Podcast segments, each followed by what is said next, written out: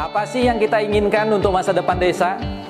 Warga desa yang sehat, pendidikan yang berkualitas, pendapatan yang meningkat dan merata, lingkungan desa yang tetap lestari, desa aman, nyaman, dan damai berkeadilan. Ada dan budaya desa terlindungi. Semua itu adalah cita-cita kita bersama melalui SDGs Desa.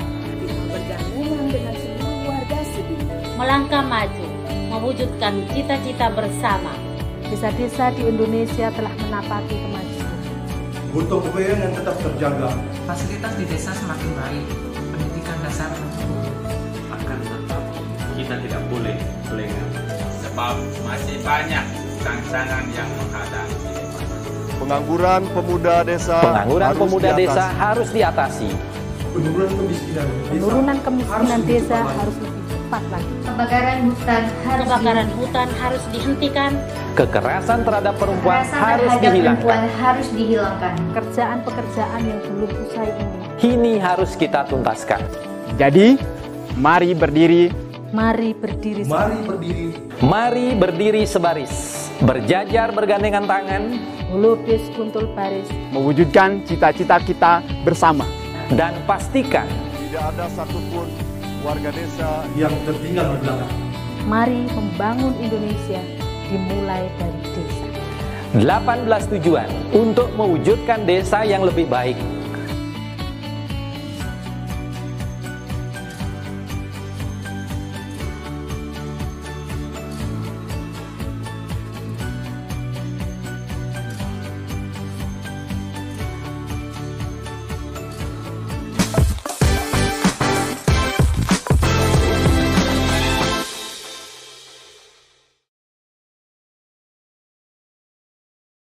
Salam SDGs Desa, mari berdiri sebaris, selubis kontrol baris, salam bahagia kerabat desa Indonesia. Pagi ini kita uh, ingin mengajak sebenarnya ini dengan teman dari pendamping lapangan desa, cuma mungkin ini sedang coba apa koneksi kita dengan teman-teman dari pendamping lapangan desa dari Sulawesi, Bantaeng, uh, pendamping lapangan desa suka tidak suka ketika kita bicara SDGs desa mesti menjadi orang yang paling paham tentang SDGs desa. Oleh karenanya kita kemarin sudah mencoba mengajak kepala desa bagaimana pandangannya terhadap SDGs, uh, sekretaris desa, uh, perangkat desa, kemudian kita juga mencoba mendengar dari teman-teman memandang SDGs desa. Tapi karena ini belum bergabung, mungkin kita sapa dulu yang punya rumah, Gus Ivan. Selamat pagi, Gus. Selamat pagi, Gus Koco. Kerabat desa sekalian. Ada Mas Madong juga ini dari Buleleng. Pagi, Mas Madong. Selamat pagi, Assalamualaikum warahmatullahi wabarakatuh. Salam bahagia kerabat desa Indonesia, salam SDGs desa. Mantap ini. Aku uh, kerabat desa Indonesia ini bagian yang mencoba kita apa? Mencoba kita sampaikan bahwa dalamnya TV desa adalah kerabat desa karena kita pengen desa-desa di seluruh Indonesia ini sekeluarga. Sudah ada masukin juga ini apa yang selalu hadir di acara kita. Lagi Mas Sugeng. Semangat. Saya sampaikan kebijakan baru Menteri Desa ya Gus. Oke siap. Ini Prof Yayan juga apa sudah mengikuti. Alhamdulillah Prof Yayan sudah apa bukan sudah bisa bergabung di forum kita. Oke sambil menunggu mungkin ada kebijakan baru tentang Damping desa. Desa. Mohon dari apa Gus Ivan bisa menyampaikan. Ya, jadi tahun ini Gus Koco kerabat desa sekalian, memang ada perubahan yang relatif besar untuk pendamping desa. Oke. Ya, dan itu apa namanya ada sisi Gus Menteri sebagai pendidik ya, yang hmm. sangat berperan di sana semuanya terangkum di peraturan Menteri Desa yang terbaru 2020 kemarin tentang pendampingan. Tapi kira-kira arahnya begini Gus Koco, kerabat desa sekalian. Bahwa pertama pendamping desa itu adalah anak kadang-kadang beliau menyebut anak, kadang-kadang beliau menyebut wakil, suara atau telinga dari Kementerian Desa gitu. Jadi. Apa namanya posisinya dibuat demikian. Makanya kemudian ada reorganisasi bahwa pendamping desa itu akhirnya semuanya dikontrak langsung oleh Kementerian Desa. Jadi itu sebetulnya arahannya memang langsung begitu ya supaya apa namanya antara dari pusat sampai ke desa itu relatif akan sama. Pak, tadinya kontraknya dengan siapa, Gus? Kalau yang PLD dan PD, pendamping di level desa, pendamping lokal desa dan level kecamatan, itu uh, satkernya di uh, provinsi, ya provinsi. Oh. Meskipun diletakkan di kabupaten. Hmm. Nah ini semua kembali lagi ke pusat gitu.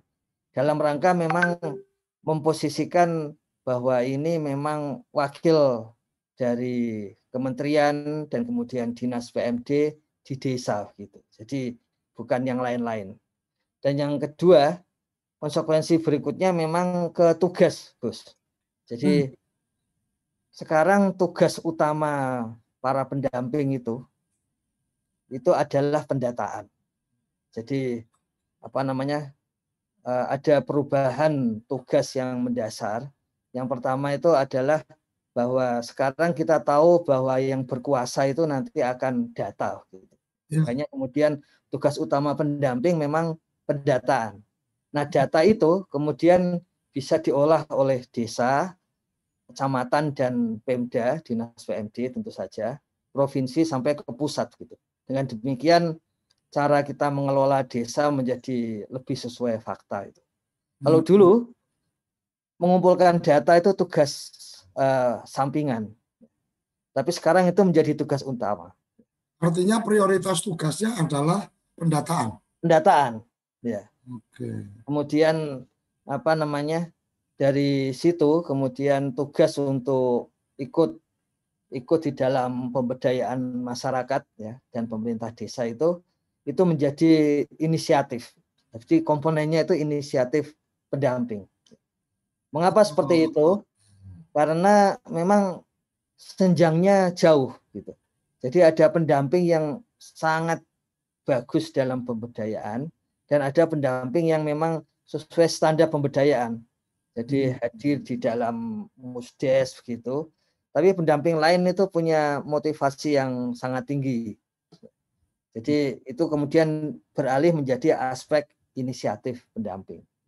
Oh. Kemudian tugas berikutnya yang juga sangat apa penting dan baru itu adalah berkaitan dengan media sosial. Jadi ada ada tugas baru pendamping untuk bermedia sosial gitu. Makanya kalau kita lihat ya ada perubahan yang mendasar seperti itu dan ini belum semua karena memang pada awal tahun belum semua pendamping melakukan pelatihan mandiri. Jadi ada aspek baru lagi di dalam peraturan Menteri Desa itu adalah mentoring dan belajar sendiri. Jadi tugas pendamping itu uh, belajar sendiri dan mentoring. Jadi istilahnya Gus Menteri memang tidak tidak pelatihan tapi mentoring dalam arti ya selalu ada hubungan antara pendamping dengan para pelatih.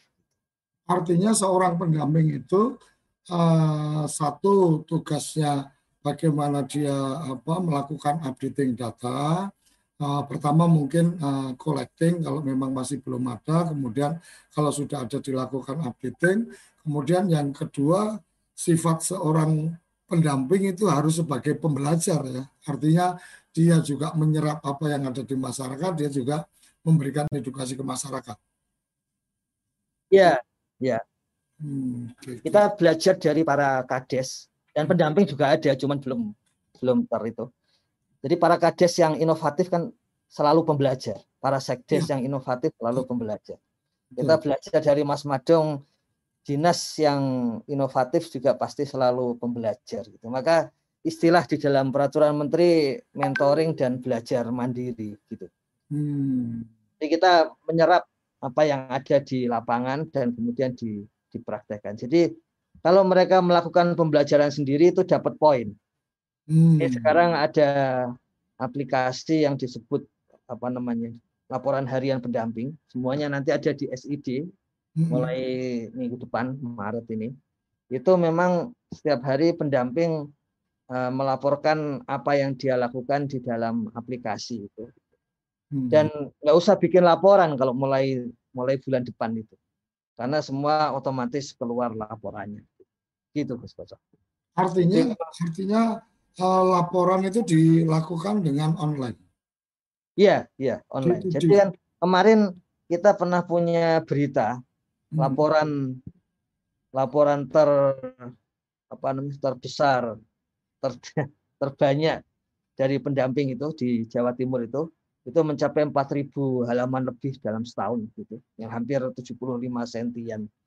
Nah Hmm. nanti memang nggak seperti itu lagi. Semuanya sudah sudah apa namanya eh, online dan otomatis. Kalau mereka melakukan kegiatan ya ada laporannya. Kalau nggak ada ya nggak akan ada. Laporan laporan disampaikan dalam bentuk uh, hanya sekedar teks atau kemudian ada foto-foto. Iya, ada ada foto-foto dan itu ter, terkoneksi dengan pendataan Gus Koco. Jadi misalnya kalau di pendataan mulai minggu depan ini SDGs desa satu desa belum penuh gitu, maka nilai dia di laporan juga otomatis nggak penuh. Gitu. Jadi tidak mengisi sendiri, tapi itu muncul dari kegiatan. Sehingga harapannya apa namanya prasangka-prasangka selama ini terlalu disibukkan dengan administrasi sudah pasti nggak ada lagi.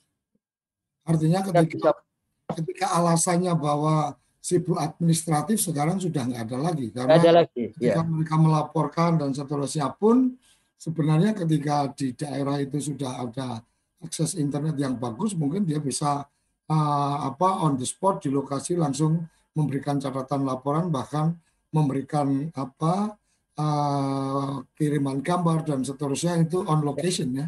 Ya, kalau yang nggak punya internet terpaksa HP-nya ke kecamatan atau kabupaten sebentar gitu sebulan sekali Hmm. untuk untuk bisa mengupload itu. Terus ketika kemudian masih ada lagi yang baru tentang Ya. pendamping desa? Terus yang terakhir tentu saja pelatihan kepada pendamping. Jadi semester pertama ini Hmm. ini seluruh pendamping dilatih ulang. Hmm. Tidak ada perubahan jumlah pendamping. Jadi semua pendamping akan masih, dilatih. masih belum satu desa satu pendamping ya. Eh, belum, belum. Oke. Tapi eh, tadi Gus Koco, kerabat desa sekalian, laporan tadi akan menunjukkan apakah memang nanti di bulan-bulan April ketika kita mengajukan anggaran tahun depan itu, apakah memang harus seperti itu atau harus lebih gitu. Jadi laporan akan menunjukkan jam kerja pendamping, Hmm. apakah jam kerjanya masih normal atau lebih banyak kan selama ini ada klaim ini bekerja lebih banyak Sabtu Minggu bekerja tapi kita akan punya buktinya nanti. Dalam satu bulan apakah lebih dari 1050 jam kerja. Kalau itu berarti harus ada peningkatan jumlah pendamping atau peningkatan honor atau peningkatan yang lain. Dan kemudian kalau kalau yang dikerjakan jauh lebih banyak dari ketentuan maka itu akan menunjukkan butuhnya itu. Gitu Gus. Jadi semuanya nanti akan by data sesuai data pendampingan yang kemudian dijadikan bahan untuk koreksi tahun depan. Pelatihan juga digunakan supaya kalau tahun depan memang ada tambahan pendamping, itu pendamping yang memang sudah berpengalaman ya memang dia mampu dan bisa gitu. Kalau yang nggak bisa ya memang gimana lagi gitu. Gitu Gus. Oke.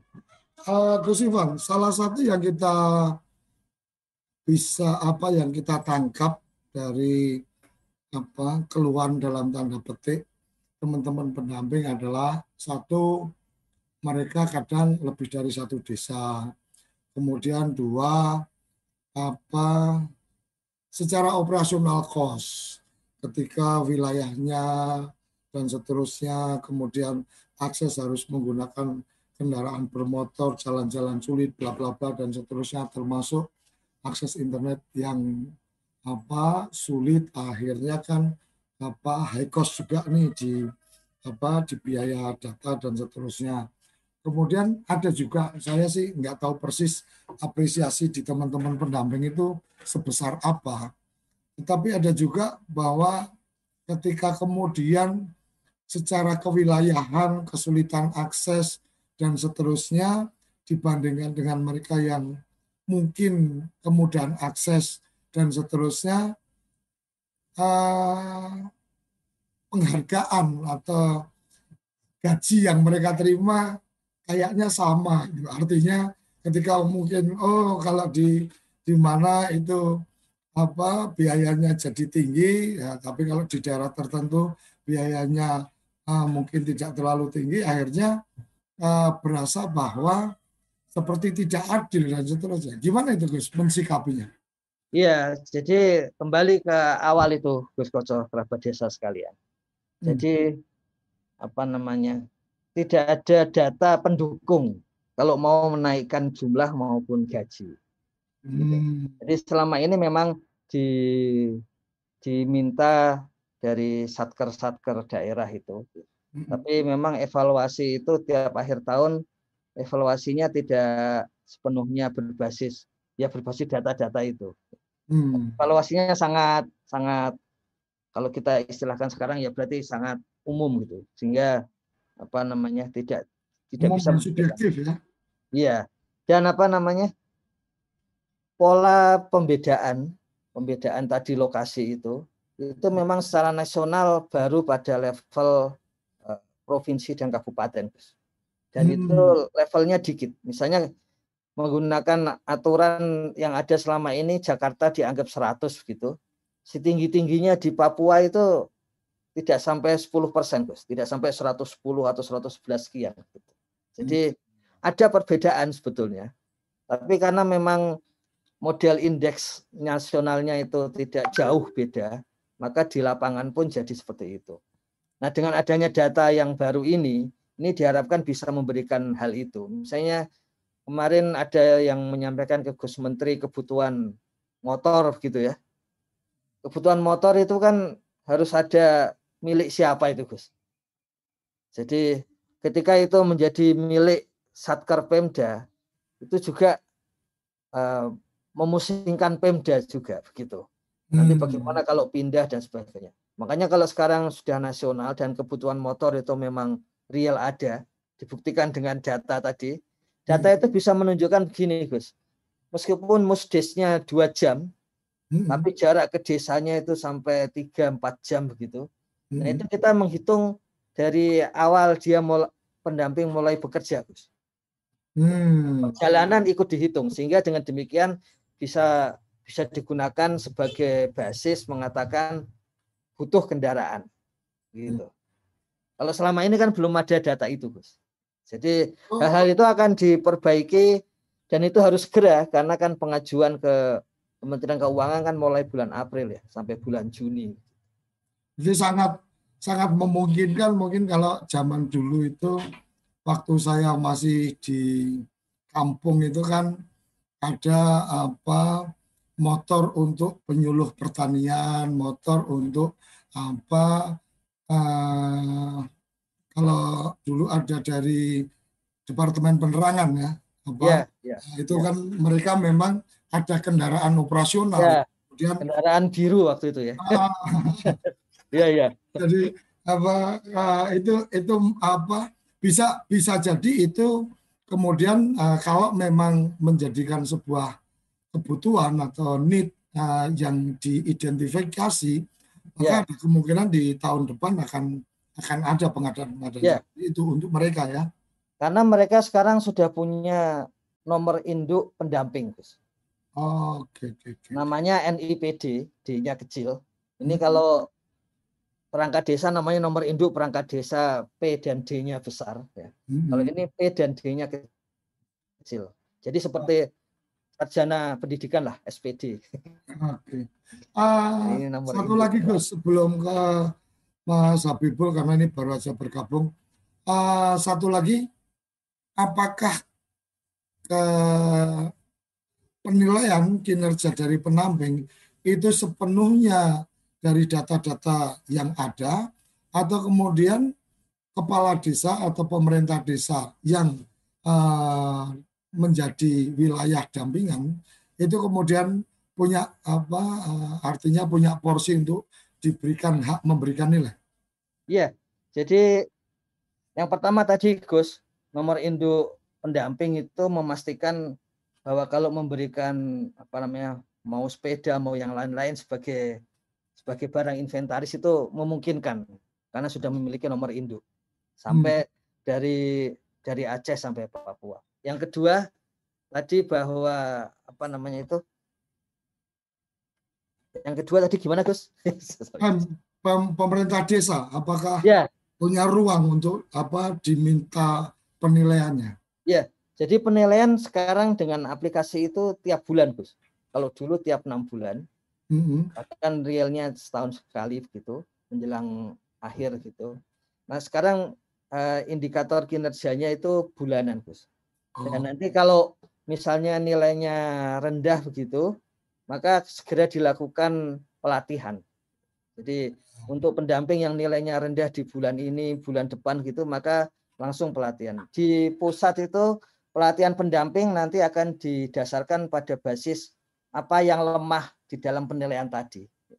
Nah, kepala desa bisa mengakses nilainya, mm-hmm. tapi kepala desa hanya itu, Gus, hanya memberikan kalau menurut kepala desa tidak cocok nilainya begitu, dia bisa menyampaikan ke Kementerian Desa. Nanti oh. ada tim yang akan mencek. Satu lagi, Gus, uh, ya. ketika ada nomor induk pendamping desa, ada juga mungkin dalam tanda petik ya, Ya. Kalau teman-teman ada yang berharap pengen jadi pendamping dan seterusnya, kemudian berpikirnya wah ini semakin tertutup nih untuk aku jadi pendamping karena ketika sudah nomor induk jangan-jangan terus tuntutannya berlanjut jadi ASN atau apa tenaga apa tetap dari apa Kementerian Desa sehingga ruang untuk kemudian refreshing atau mengganti orang-orang baru. Karena kadang-kadang kan pada saat belum belum jadi apa belum jadi ASN, nah, semangat kerjanya bagus, tapi begitu jadi ASN karena apa aturan ASN kan diberhentikannya kan dengan dengan syarat yang sangat susah gitu kan, akhirnya kemudian kerjanya agak kurang bagus. Ini kira-kira gimana Bu? Apakah pendamping ini tetap akan sebagai tenaga apa uh, artinya tenaga kontrak atau kemudian uh, karena sayup-sayup juga mulai ini case-nya hampir sama dengan teman-teman di PNPM umpamanya. Itu kan kemudian tuntutannya pengen jadi ASN. Ya, sebetulnya agak sulit menjadi PNS. Hmm. Tapi memang di Undang-Undang ASN itu itu ada apa namanya uh, pekerja yang mirip PNS begitu Gus. Ya. Ini adalah dia tidak mendapat. Ya. Nah hmm. itu itu yang diusahakan. Tapi sampai saat ini uh, tenaga pendamping itu tidak masuk kategori itu. Artinya Jadi, tetap tetap tahunan ya. Iya. Sekali diperbarui sekali diperbarui. Ya. Oke, Gus. Kita coba gini, Gus. Ya. Meskipun ada pembaruan tahunan, hmm. tapi kita akan mencek tiap bulan sehingga kita bisa melatih pendamping yang kurang sehingga hmm. pada bulan Oktober hmm. itu adalah pengecekan final.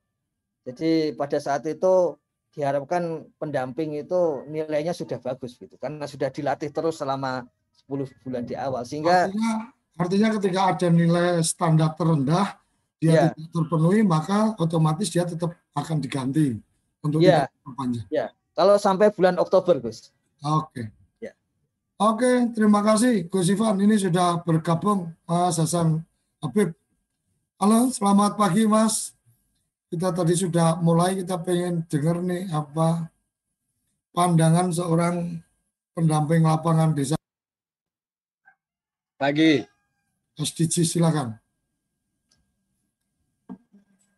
Silakan Mas Hasan. Ya, halo. Ya. Udah kedengaran Mas? Iya, iya. Silakan, langsung. Oh, iya, iya.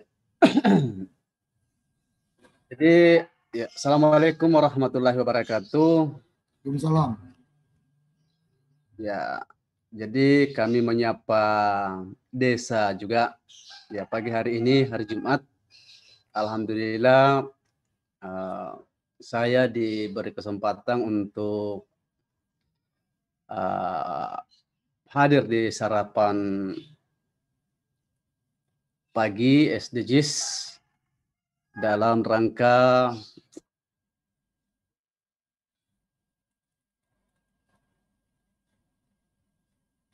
Halo.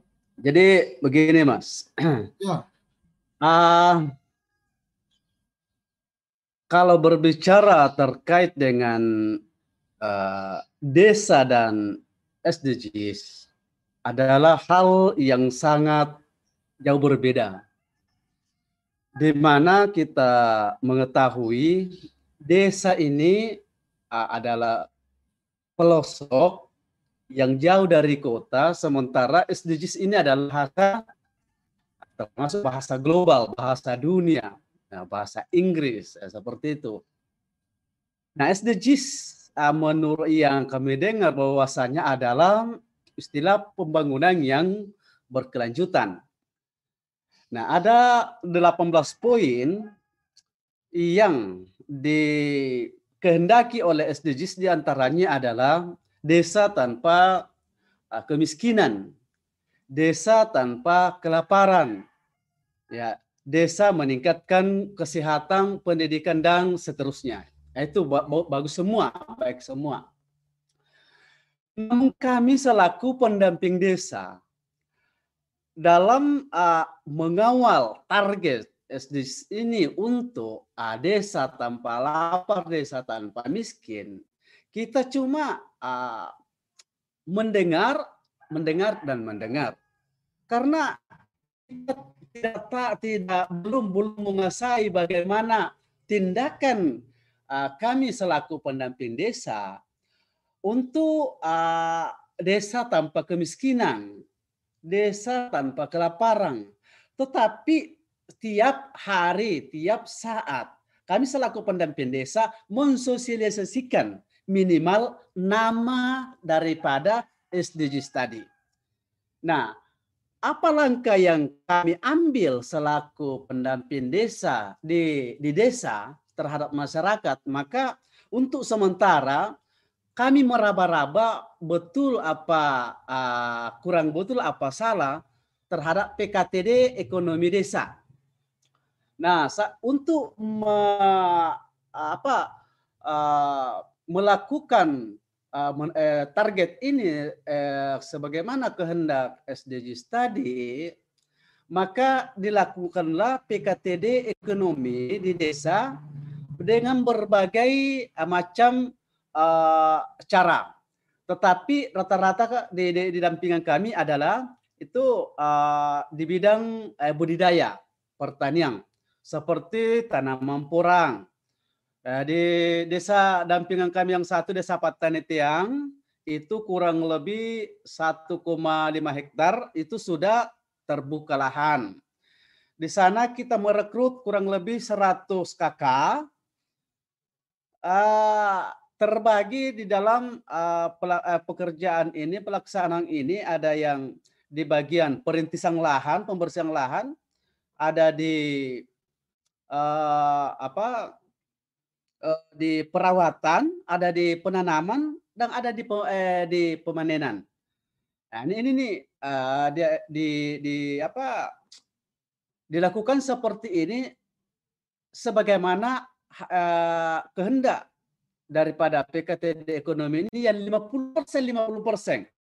Jadi uh, di dalam regulasi ini di prioritas penggunaan dana desa nomor uh, Permen Desa nomor 13 ini 2020 itu kalau tidak salah ya salah satu salah satunya adalah PKTD ekonomi, penguatan ekonomi di desa dengan cara seperti ini. Kemudian BUMDes, penguatan ekonomi lewat BUMDes. Nah, SDGs ini juga ada beberapa poin, ada memang 18 poin, tetapi kita juga melihat potensi desa. Tidak mungkin desa semua desa, semua desa ada lautnya. Tidak semua desa ada gunungnya. Maka dari 18 ini ya mungkin uh, rata-rata 8 sampai 9 ada di setiap desa. Nah, seperti itu. Maka uh, kami selaku pendamping desa pula hanya mensosialisasikan dan memperkenalkan apa yang 18 poin di SDGs ini uh, dari tiga desa dampingan kami, alhamdulillah uh, salah satunya yang dikehendaki oleh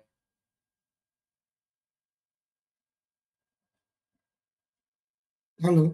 KTD ekonomi, kalau di Patenatiang kurang lebih rencana ini tiga hektar adalah uh, tanaman purang.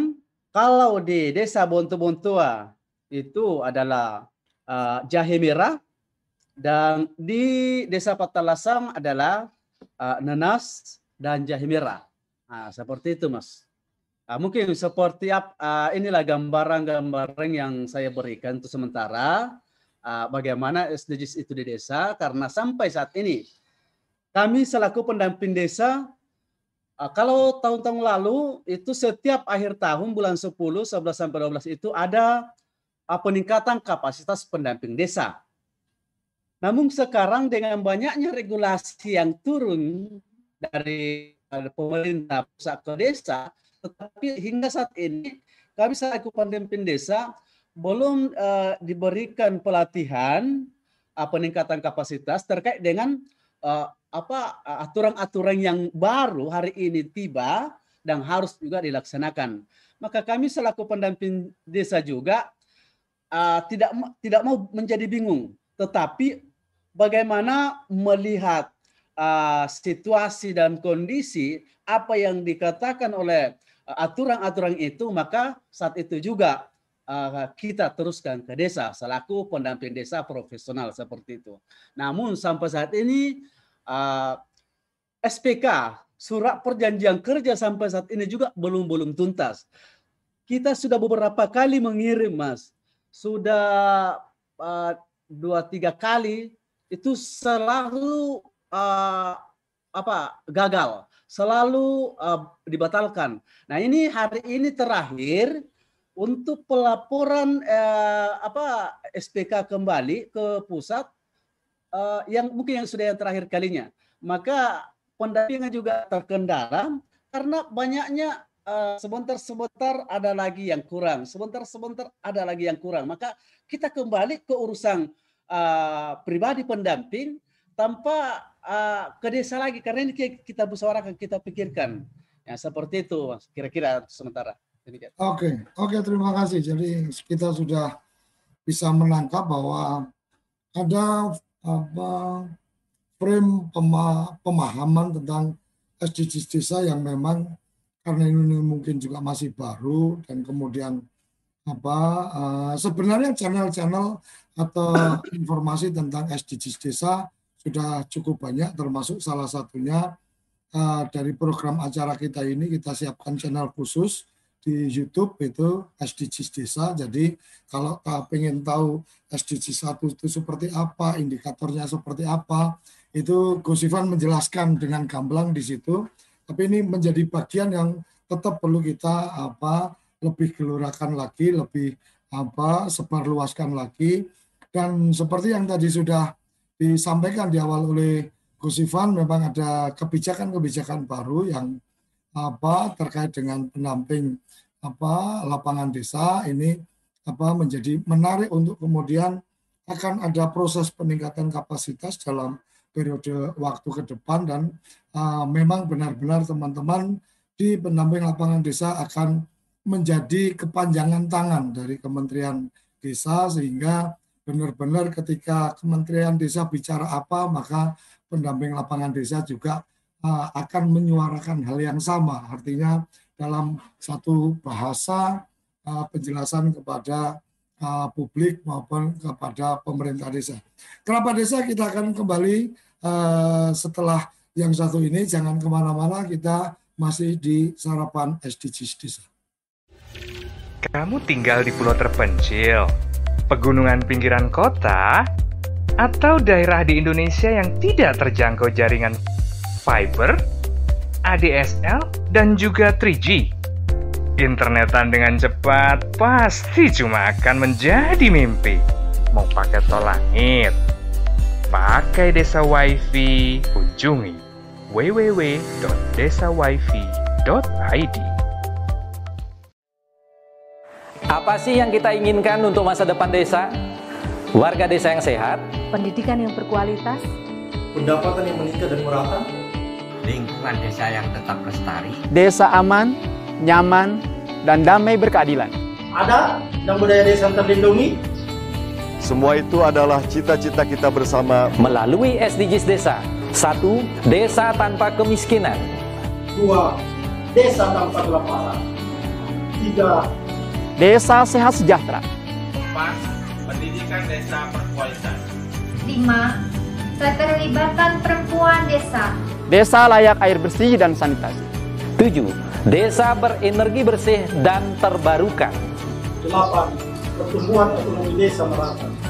Sembilan, infrastruktur dan inovasi desa sesuai kebutuhan. Sepuluh, desa tanpa kesenjangan. Sebelas, kawasan permukiman desa aman dan nyaman. Dua belas, konsumsi dan produksi desa sadar lingkungan. 13. Desa tanggap perubahan iklim. 14. Desa peduli lingkungan laut. 15. Desa peduli lingkungan darat. 16. Desa damai berkeadilan. 17. Kemitraan untuk membangun desa. 18. Kelembagaan, desa dinamis, dan budaya, desa adaptif.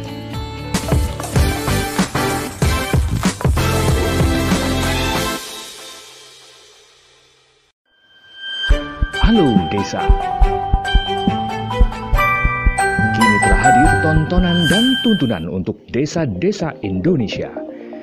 Desa Vision. Desa Vision memberikan pilihan tayangan edukasi dan inspirasi untuk desa, untuk warga desa, untuk penggiat usaha dan pemberdayaan desa. Desa Vision dikembangkan oleh TV Desa yang telah mendedikasikan diri mengembangkan program siaran desa dan perdesaan sejak tahun 2014. Dengan Desa Vision, kerabat desa dapat menyaksikan tayangan pilihan tanpa bayar iuran bulanan selamanya. Desa Vision persembahan TV Desa bersama SMV Prisat TV.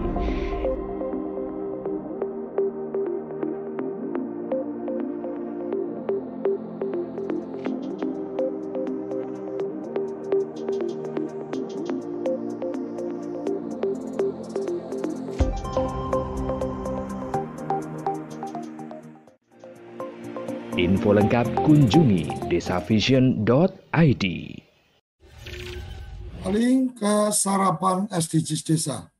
Sudah kita dengar tadi bagaimana uh, curahan hati dari pendamping lapangan desa Kesifan. Uh, ada beberapa hal yang menarik adalah tentang keinginan belajar tetap tinggi.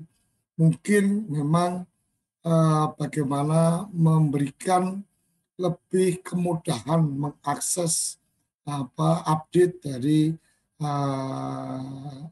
informasi-informasi. Uh, dan TV Desa salah satunya memberikan komitmen untuk itu. Oleh karenanya bersama Pusdatin tiap pagi kita bicara SDGs desa supaya kerabat desa, pendamping desa dan semua pegiat-penggiat desa ini kemudian mendapatkan inspirasi-inspirasi bagaimana desa bisa peduli terhadap lingkungan, bagaimana desa bisa menyelesaikan masalah sanitasi, bagaimana bisa bisa memastikan tidak ada kelaparan dan seterusnya dan seterusnya. Oleh karenanya mungkin apa Gus Ivan ini yang uh, bisa lebih menjelaskan tentang bagaimana teman-teman pendamping lapangan desa dan uh, juga yang lain. Karena mungkin karena Mas Habib tadi agak terlambat hadir tadi ada kebijakan baru dari Kementerian Desa yang nanti bisa diikuti untuk apa di tayangan ulangnya di channel YouTube kita.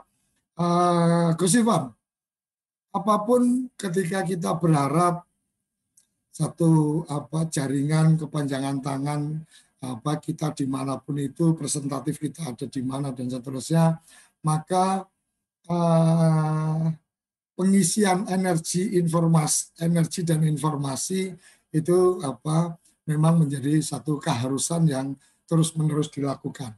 Nah, mungkin dari ada dua sisi, satu bagaimana informasi itu tersampaikan dengan cepat, kemudian yang kedua adalah bagaimana gizinya juga perlu diperhatikan supaya tetap sehat untuk melakukan kegiatan. Silakan Gus Iman.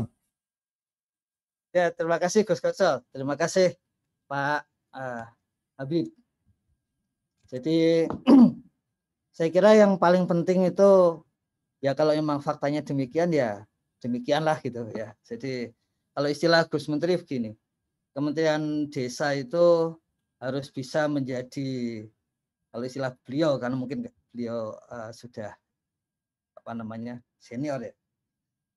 Jadi apa pun yang terjadi pada para pendamping, Kementerian Desa itu adalah orang tuanya. Gitu. Jadi kalau memang ada masalah, bahkan kalau ada kesalahan, itu Kementerian Desa akan bertanggung jawab.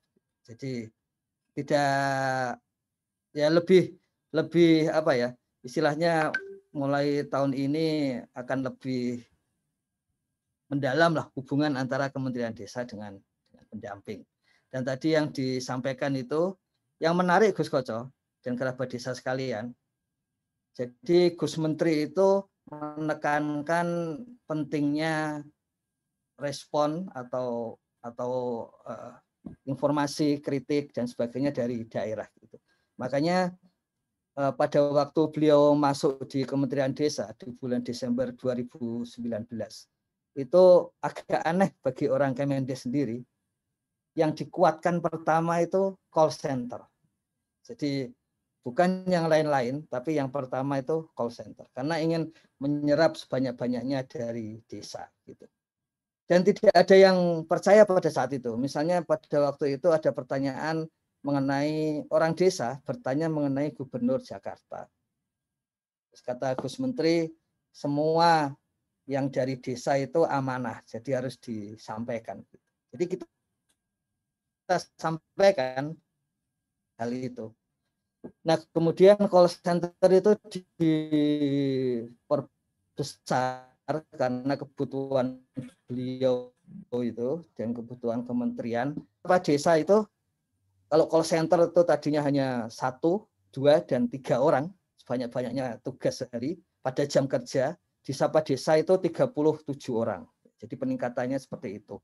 Dari 37 orang itu jam kerjanya tidak terbatas. Jadi 24 jam sehari, 7 hari seminggu. Yang tadi disampaikan oleh uh, Pak Hasan tadi, itu adalah yang masuk ke Sapa Desa dalam minggu ini. Jadi dalam minggu ini memang yang masuk itu biasanya dari kepala desa gitu, kemudian dari warga masyarakat. Tapi seminggu ini yang banyak masuk itu dari pendamping desa, dari pendamping lokal desa dan pendamping desa. Jadi memang tadi ada perubahan yang sangat besar 35.350 pendamping yang tadinya terbagi di 27 satker dan dari 27 satker itu terbagi lagi ke dalamnya dibantu 434 kabupaten. Kemudian semua itu sekarang oleh Gus Menteri disatukan di Kementerian Desa. Mengapa itu berani diambil? Karena basisnya memang teknologi informasi. Jadi karena basis teknologi informasi itulah kemudian bisa dilakukan. Ada sekitar 2000 yang seperti biasa karena teknologi informasi kalau salah ketik NIK saja gitu. Ada yang lebih dari 16 poin, ada yang kurang dari 16 uh, eh, angka itu. Itu memang kemudian uh, dianggap masih kurang begitu. Jadi tapi yang paling penting bagi pelajaran dari Gus Menteri itu tidak ada kebijakan yang sempurna, tapi selalu ada call center untuk memperbaiki hal itu. Jadi makanya saat ini apa namanya call center itu sangat sangat berjalan itu yang sapa desa itu terutama untuk memperbaiki dalam hal ini pendamping Gus Kotso. Termasuk ini kan yang kita pelajari dari desa Patanete yang kemarin kan memang kepala desa yang sangat inovatif. apalagi berkaitan dengan data, dengan dengan hasil dari desa tertinggal menjadi desa mandiri. Jadi itu kan harusnya jadi pelajaran juga untuk kita semua. Dan tadi Gus Koco sampaikan selama ini Gus Menteri juga menyampaikan bahwa semuanya itu uh, ada di web Kementerian Desa. Meskipun tentu saja secara berjenjang pendamping bisa meminta penjelasan lebih lanjut dari dari atasnya gitu. Termasuk di dalamnya misalnya uh, tentang SDGs desa ada web khusus yang isinya adalah apa yang ditulis oleh Gus Menteri tentang SDGs desa. Dan di situ di bagian video ya itu juga termasuk di dalamnya video-video yang berkaitan dengan SDGs desa termasuk video-video dari yang kita sedang selenggarakan ini Gus Koco.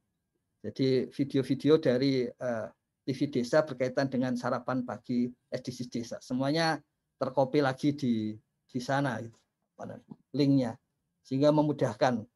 Kemudian tentu saja kembali lagi kita ke aspek pelatihan bahkan di di sini pun ada konteks pelatihan PLD yang bisa langsung langsung dirasakan sudah disiapkan dari awal. Jika ingin mentoring dan pelatihan mandiri tentu saja tinggal masuk ke sini. Khusus untuk PLD ini bahan pelatihan eh, PLD di semester pertama 2021 yang nanti bentuk pelatihannya eh, bauran atau campuran online dan offline. Ya. Kalau tadi kita lihat uh, di sistem informasi desa ini kan kelihatan ini kemarin Pak Kadesnya, Pak Lukman yang sudah menguatkan desanya dari desa tertinggal ke desa mandiri gitu. Jadi intinya kembali lagi bahwa Kementerian Desa itu orang tuanya pendamping. Jadi apa pun yang terjadi di pendamping tentu saja akan di akan real ini, bukan omongan, akan real dibela oleh Kementerian Desa. Begitu Gus Koco, kerabat desa sekalian. Oke, artinya sebenarnya ada uh, rumah besar yang sudah disiapkan teman-teman pendamping desa uh, atau tenaga pendamping profesional itu bisa masuk ke sana. Bahkan ada ruang khusus yang hanya bisa diakses oleh teman-teman pendamping uh, desa sehingga konten-konten atau informasi apa yang kemudian mereka perlu apa dapatkan itu sebenarnya ini juga sudah mulai dipersiapkan. Kira-kira kira-kira gitu ya, uh, Gus Ivan ya? Iya, iya, benar. Jadi apa namanya? Karena ini perubahannya sangat besar, tidak hanya pada pendamping se-Indonesia, tetapi di internal uh, Kementerian Desa juga. Memang apa namanya perubahan itu seperti biasa semua harus bersedia. Dan pasti perubahan itu pada awalnya kan menyakitkan. Nggak ada yang nggak menyakitkan. Tapi arahnya ke hal-hal yang semakin semakin baik. Jadi bukan bukan apa namanya tidak tidak zamannya lagi seperti ke desa-desa kita membuat indeks desa kemudian desa yang tadinya mandiri turun jadi berkembang. Nggak zamannya lagi seperti itu. Yang mandiri tetap mandiri. Ini juga sama. Pendamping desa yang sudah bagus, yang sudah diidentifikasi juga oleh Kementerian Desa, itu tidak boleh nilainya jadi turun. Sat, sedikit lagi Gus, saya tunjukkan bagaimana eh, hal-hal uh, yang sudah kita lakukan, ya, itu kita tulis semua di sini, didokumentasikan. Ya. Jadi semua yang berkaitan dengan video-video apa pun yang berkaitan dengan uh, Kementerian Desa dan sebagian besar memang banyak di, dilakukan oleh uh, oleh oleh TV Desa itu semuanya sudah ada juga. Jadi ada ada kajian di mana pendamping desa ada yang cocok dengan PowerPoint, ada yang hmm. cocok dengan tulisan. Tetapi ada pendamping desa yang memang cocoknya itu mendapatkan informasi lewat video. Makanya kita kumpulkan semua video juga yang berkaitan dengan dengan pendampingan di desa dan apa namanya okay. dan ya ada syukurnya juga apa TV desa ikut mendukung di sini itu kerabat desa sekalian jadi bisa Oh. dipakai untuk semuanya itu Oke, eh, apa semenit dua menit Mas Hasan silakan memberikan respon atas apa yang dijelaskan Gus Ivan. Silakan. Eh, ya Mas, terima kasih untuk yang kedua kalinya. Jadi ah, tadi saya dengar ah, Bang Ivan ini ah, bagaimana pendamping desa ke depan bisa semakin tumbuh subur, bagaimana semakin ah, berkapasitas, bagaimana semakin pintar dan semakin hebat seperti itu. Tetapi kami khawatir adanya aplikasi ini, adanya aplikasi laporan yang setiap hari ini eh, salah eh, apa senantiasa terupdate, tetapi ya pengaruh jaringan di desa ini tidak kadang kurang memungkinkan untuk membuktikan kinerja seorang pendamping yang nantinya bisa dinilai secara negatif eh, terkait dengan hal ini. Kenapa? Seperti saya punya, ini adalah realisasi. Ini sudah ada sudah ada perencanaan. Nah, ini tapi nah, ini ada tanda kuning, ini tidak tidak tidak bisa terupload. Ini kegiatan sudah berjalan. Nah, apakah ini menjadi sebuah penilaian nantinya uh, terhadap seorang pendamping? Tanpa ini pun kami dulu itu setiap hari ke desa, tetapi ini lebih lebih uh, afdal lagi untuk membuktikan uh, ucapan yang selama ini kita uh, lantung-lantungkan seperti itu. Nah, bahkan uh, data yang kita setor ke Kementerian Desa seperti uh, NIK, nomor induk kependudukan, itu uh, yang kita kirim uh, asli, tetapi yang begitu tiba kembali tidak sesu- sudah tidak sesuai. Apabila kita eh, menggunakan yang asli, maka ini tidak bisa terupdate. Tapi apabila kita ikut dengan apa yang ada dari eh, dari kementerian ini, maka ini bisa kita uh, fungsikan. Nah, Ini, ini bagaimana dengan uh, data yang kita kirim kesesuaian kecocokan dengan yang kita gunakan di sini.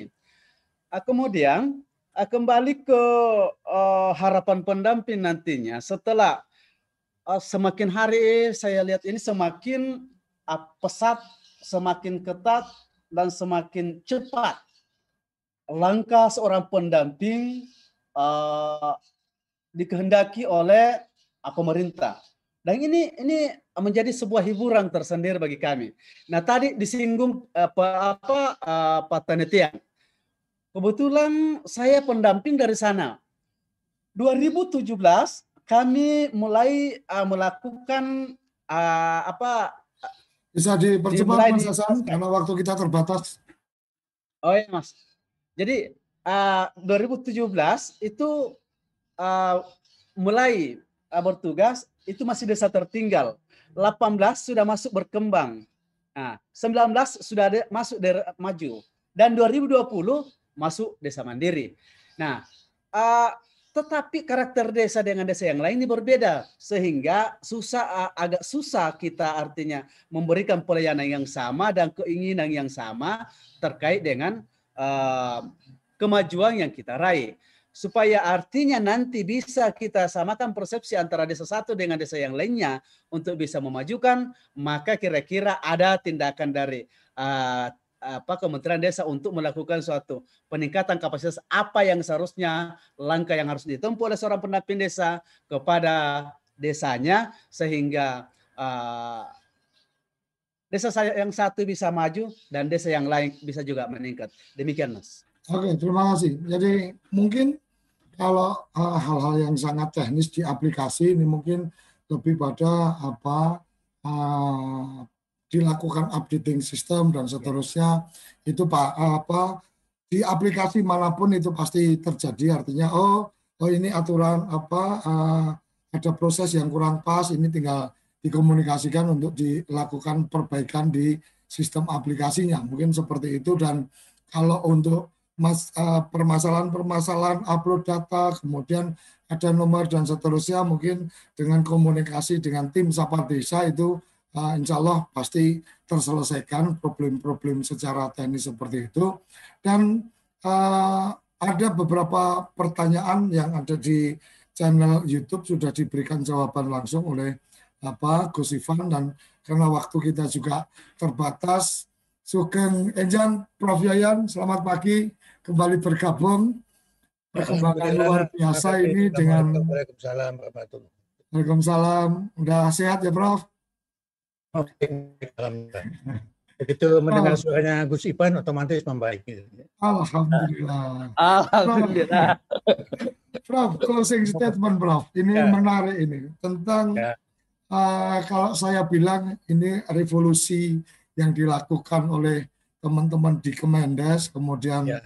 Uh, masuk benar-benar ke 4.0, semoga nanti ada ya. 5.0.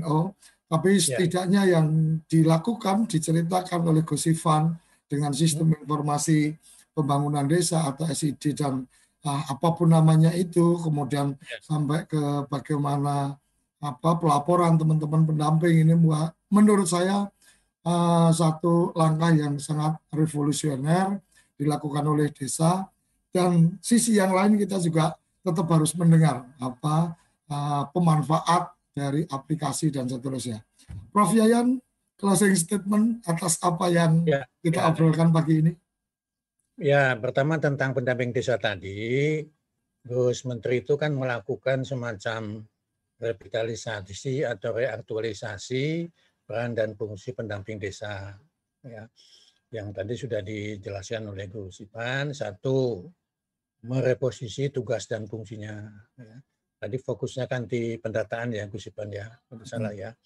Kemudian yang kedua eh, ada pertanyaan tadi soal penghargaan ya dan soal kesulitan di lokasi ya untuk eh, operasionalnya ya. Nah ini masuk ke satu sistem penghargaan ya. Yang tentu sistem penghargaan ini tidak bisa dilepaskan satu dari tugas kewajiban pokoknya ya yang kedua kinerja uh, di lapangannya ya. Yang tadi sudah disampaikan ya. Semua yang yang dilakukan itu adalah uh, menggunakan memanfaatkan kemajuan IT ya. Semua serba online semua serba digital ya. Meskipun tadi dengan kendala yang disampaikan oleh Pak Hasan tadi ya. Ada kendala-kendala teknis, ya, koneksinya dan lain sebagainya dan sebagainya. Tetapi yang berikutnya ada pemahaman yang perlu diulang lagi, diruluskan lagi ya. Kalau di desa itu tidak mesti harus 18 itu ada, kecuali nomor 18 ya. 1 sampai 17 itu tidak mesti harus ada. Karena yang 18 itu kan universal eh, desa di Indonesia. Jadi kalau di tempatnya Pak Hasan eh, potensi lokalnya aja ada 7, 8, 9 nggak masalah. Ya memang itu memang kondisinya di situ. Karena Gus Ipan itu dan Pak Menteri itu kan eh, basicnya itu kan kebutuhan dan potensi lokal. Ya. Potensi lokal, kebutuhan lokal dioptimalisasi. Ya.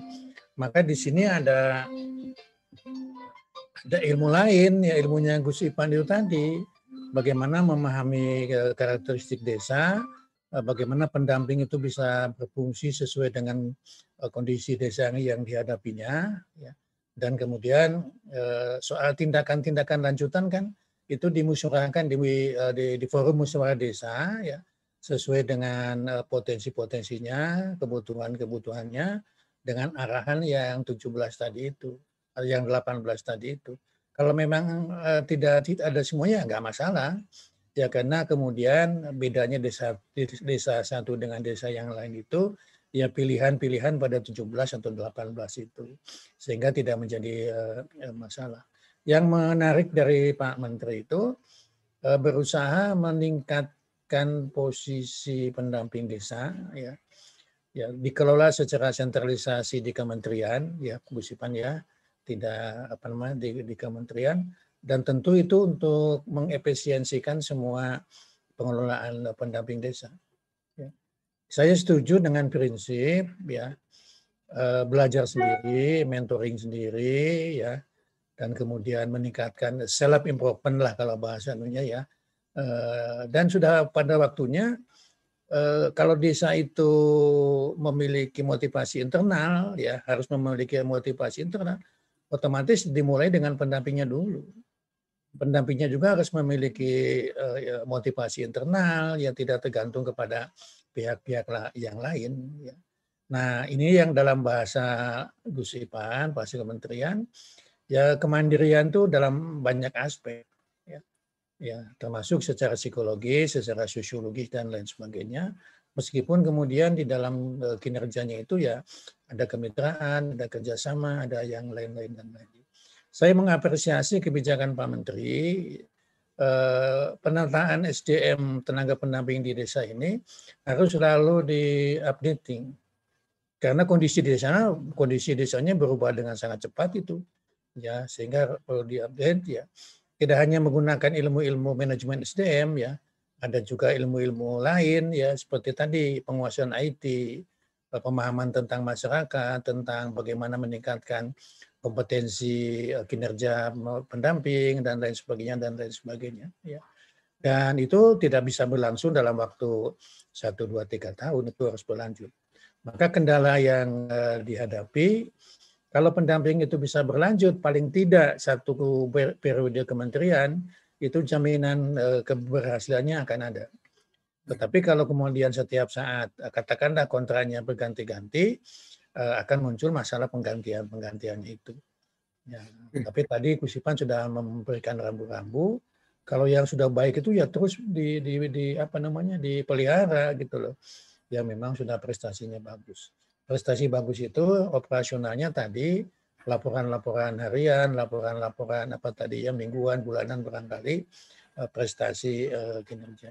Yang Gus Koco sampaikan di awal itu kan sebetulnya kan mengenai penghargaannya apresiasi dan penghargaannya. Ya. Sehingga pertanyaan yang terbungkus itu, berapa tuh sebetulnya gaji mendamping desa itu kan begitu. Ya, berapa biaya operasional dan sebagainya dan sebagainya. Ya. Untuk ukuran desa menurut saya kok sudah terlampau, sudah cukup cukup besar ya. Sekali lagi untuk ukuran desa di, di desanya masing-masing ya. Tentu desa-desa di Bekasi, di Jabodetabek ya mungkin akan beda dengan desa-desa di tempat-tempat yang lain. Ya, tetapi apresiasi penghargaan Pak Menteri itu kan uh, tidak hanya yang sifatnya itu finansial. Ya. Mungkin Gus Ipan itu setiap tahun ada awards gitu ya. Uh, bapak-bapak pendamping desa itu dibawa jalan-jalan lah ke mana lah. Apa ke Bali, apa ke misalnya ke Tenggara. Ya. Ke luar negeri nggak usah dulu lah masih COVID ya. Jadi ada apresiasi, ada penghargaan untuk para pendamping itu dalam bentuk temu pendamping nasional atau apalah apalah begitu yang kemudian bisa saling uh, berbagi informasi. Oke. Okay. Ya, jadi ada ada offline-nya selain yang online. Ya.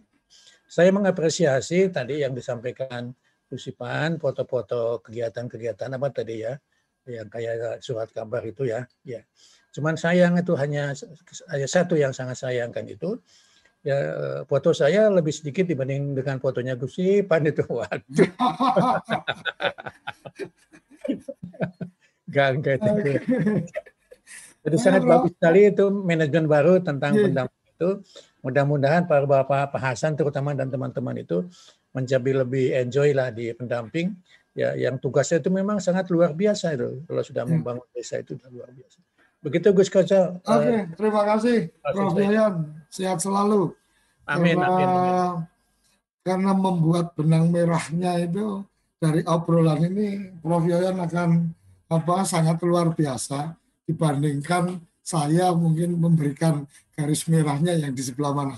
Oke, kerabat desa, eh, teman-teman pemirsa TV Desa, Senin sampai Jumat, jangan lupa pukul 6 sampai pukul 7 waktu Indonesia bagian Barat. Jadi teman-teman yang Indonesia Tengah, Indonesia Timur bisa menyesuaikan.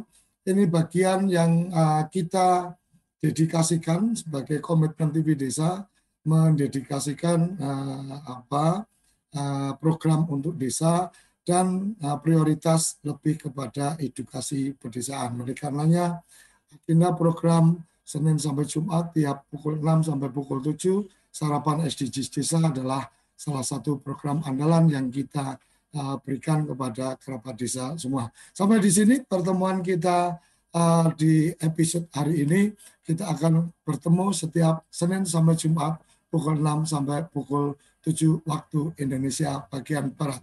Salam berdiri sebaris, Ulubis Kuntul Baris, salam SDG Desa, salam bahagia kerabat desa Indonesia. Terima kasih. Apa sih yang kita inginkan untuk masa depan desa? Warga desa yang sehat, pendidikan yang berkualitas, pendapatan yang meningkat dan merata, lingkungan desa yang tetap lestari, desa aman, nyaman, dan damai berkeadilan. Ada dan budaya desa terlindungi. Semua itu adalah cita-cita kita bersama melalui SDGs Desa. Melangkah maju, mewujudkan cita-cita bersama. Desa-desa di Indonesia telah menapaki kemajuan. Butuh kebayaan yang tetap terjaga. Fasilitas di desa semakin baik, pendidikan dasar. Akan tetap kita tidak boleh lengah. Sebab masih banyak tantangan yang menghadapi. Pengangguran pemuda desa Pengangguran harus pemuda diatasi. desa harus diatasi. Penurunan kemiskinan desa, Penurunan kemiskinan harus desa lebih harus lebih cepat lagi. Kebakaran hutan harus Kebakaran hutan harus dihentikan. Kekerasan terhadap perempuan Kekerasan harus terhadap dihilangkan. perempuan harus dihilangkan. Pekerjaan-pekerjaan yang belum usai ini. Kini harus kita tuntaskan. Jadi, mari berdiri, Mari berdiri. Mari berdiri. Mari berdiri sebaris, berjajar bergandengan tangan, Lupis kuntul baris. mewujudkan cita-cita kita bersama. dan pastikan Tidak ada satupun warga desa yang tertinggal di belakang. Mari membangun Indonesia dimulai dari desa. 18 tujuan untuk mewujudkan desa yang lebih baik